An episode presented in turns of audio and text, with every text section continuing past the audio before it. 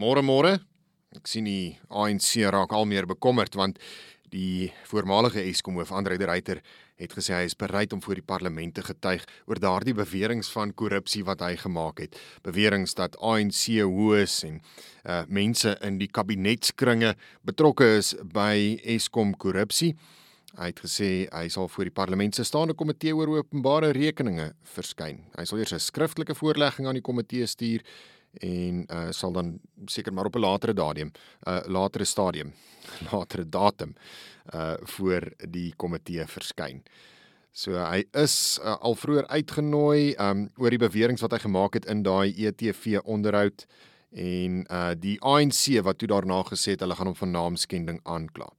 En as jy uh mooi so tussen die lyne lees, dit was maar 'n dreigement van die ANC want het ons intussen al enige hofstukke gesien?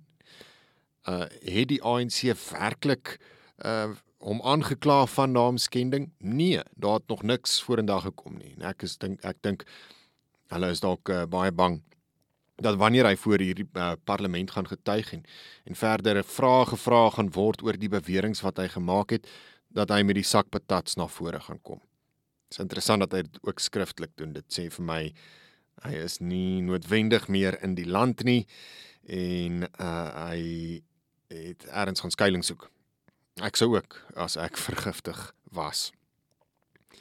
Die ryter hou vol dat hy al die inligting reeds gedeel het met die owerhede, met die wetstoepassingsagentskappe, die ANC wat sê hy het nie die regte kanale gevolg nie en dat hy daardie inligting eers met die polisie moes deel voordat hy die beweringe dan nou maak. Intussen sê president Cyril Ramaphosa steeds hy hou voet by stuk dat beerdkrag binnekort opgelos gaan word. Hy was gister weer in die nasionale raad van provinsies uh, waar hy gesels het en vrae gevra is oor die kragkrisis. Nou Ramaphosa sê uh, die korttermyn doelwit is eers om die uh, beerdkrag en die frekwensie van beerdkrag te verminder en dan daarna sal hy beerdkrag binne etlike maande oplos weer eens uh as mens nou vir 'n vir die regering vra vir 'n tydraamwerk van wanneer hierdie etlike maande volgens hom dan nou uh 'n goeie tyd is of 'n 'n billike tyd is om beerdkrag op te los,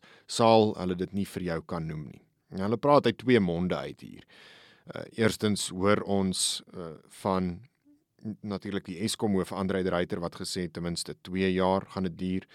Dan hoor ons die ANC uh, sy eie Gossie Hensor Ramakopa, die minister van elektrisiteit wat gesê het nee, dit beerdkrag gaan nog 'n rukkie met ons wees, 18 maande sê hy.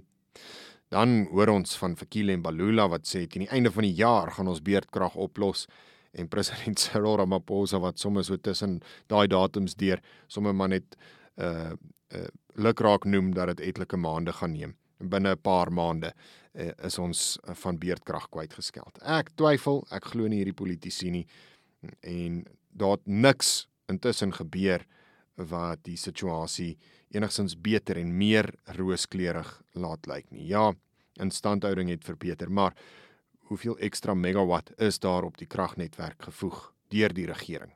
Ek praat nie van onafhanklike krag nie.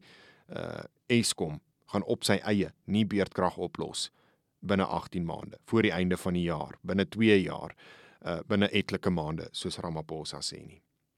'n groot storie vandag is natuurlik um, Oscar Pistorius wat uh vandag uh aansoek doen om parol sy parol verhoor word vandag aangehoor hier in Pretoria en uh soos wat netwerk 24 het noem hulle sê die wêreld se oë is weer op Pretoria op die Atteridgeville gevangenis vir Oscar Pistorius se parol beslissing. Nou um, die Steenkamp familie uh die ouers van Riva Steenkamp het aangedui dat hulle die parol aansoek gaan teenstaan en die gebeure uh Riva Steenkamp se skietdood in 2013 het natuurlik die wêreld se oë op ons gedraai, op ons regstelsel gedraai. En hier word dit weer eens gedoen. Nou uit ervaring nie uit my eie persoonlike ervaring nie, maar wat ek al gesien het van die paroolraad natuurlik um, as mens kyk na Clive Derby Lewis se sake, as mens kyk na Janusz Wallu se sake, dan uh word daar natuurlik baie op baie meer as net bloot die die feite besluit of parol toegestaan gaan word al dan nie. En in uh uh, uh Clive Derby Lewis se geval ehm um, het politiek definitief 'n rol gespeel.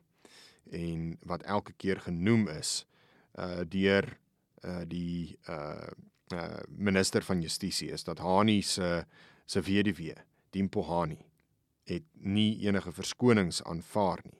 Het gesê hy het nie berou nie en het elke keer daardie proses teengestaan. So as ek 'n raaiskoot moet waag, gaan ek sê dat sy parol aansoek heel moontlik afgekeur gaan word. Nog groot nuus hierdie naweek is die DA wat uh, sy federale kongres hou. Uh die party kies sy leiers en ek dink dit is 'n belangrike punt ook um in aanloop tot die 2024 verkiesing want hier sal die party kies wie hom in hierdie verkiesing gaan lei. Nou vir federale leier is dit 'n uh, stryd tussen John Steenhuisen en Mpo Palatse, die voormalige burgemeester van Johannesburg. Ek dink nie Palatse staan eintlik 'n kans teen John Steenhuisen nie. Die DA gaan weer vir John Steenhuisen kies as sy leier. Maar ek dink dit is wel gesond en goed dat daar ehm um, ook mededinging is vir daardie posisie dat dit nie net John Steenhuisen se naam op daardie uh, stembriefie is nie. Die voorsitter vir die federale raad, onbestrede Helen Zille en dan is daar 'n paar ander poste federale voorsitter en adjunk federale voorsitters uh asook adjunk voorsitter van die federale raad. Uh daar is 'n meer kandidaate en en hulle sal almal die naweek verkies word ek dink is ook belangrik dat die party by daardie kongres ook sal moet besluit oor wat is sy benadering tot volgende jaar se verkiesing. Wil hy 'n party wees wat 'n uh, 'n meerderheid wil wees? Dan moet hy sekere besluite neem. Dan moet hy sê goed, uh, ek neem 'n sekere benadering met betrekking tot my uh, ekonomiese beleid. Ehm um, uh, raskwessies speel baie groot rol natuurlik as mense na die DA kyk. Wat is my beleid rakende ras en rasgebaseerde aanstellings, die tipe van dinge. Maar as hy besluit dat hy 'n sterk vennoot en die grootste vennoot in 'n koalisie wil wees, dan moet hy ook sekere beleidsbesluite neem en sê, "Goed, hierdie is beleidsbesluite waarmee ek kan saamwerk met ander koalisievennote en wat hulle dink, goed, ander koalisievennote stem heel moontlik saam met my hieroor." Daardie is 'n besluit wat die DA moet neem in aanloop tot volgende jaar se verkiesing soos ek sê, uh, ek, ek dink die leierskapstryd is 'n uitgemaakte saak, maar uh, oor watter rigting die party gaan inslaan met betrekking tot beleid, met betrekking tot sy benadering uh, tot koalisieregerings, dit is goed wat oor die naweek uitgepleis moet word en uh, betyds gedoen moet word voor die party of voordat ons volgende jaar moet gaan stem. Nou ja, mag jy 'n heerlike naweek verder hê. Ek uh, hoop die reën sak ook so lekker uit by jou soos wat dit hier by my doen. En uh, op daardie noot, groete by die huis.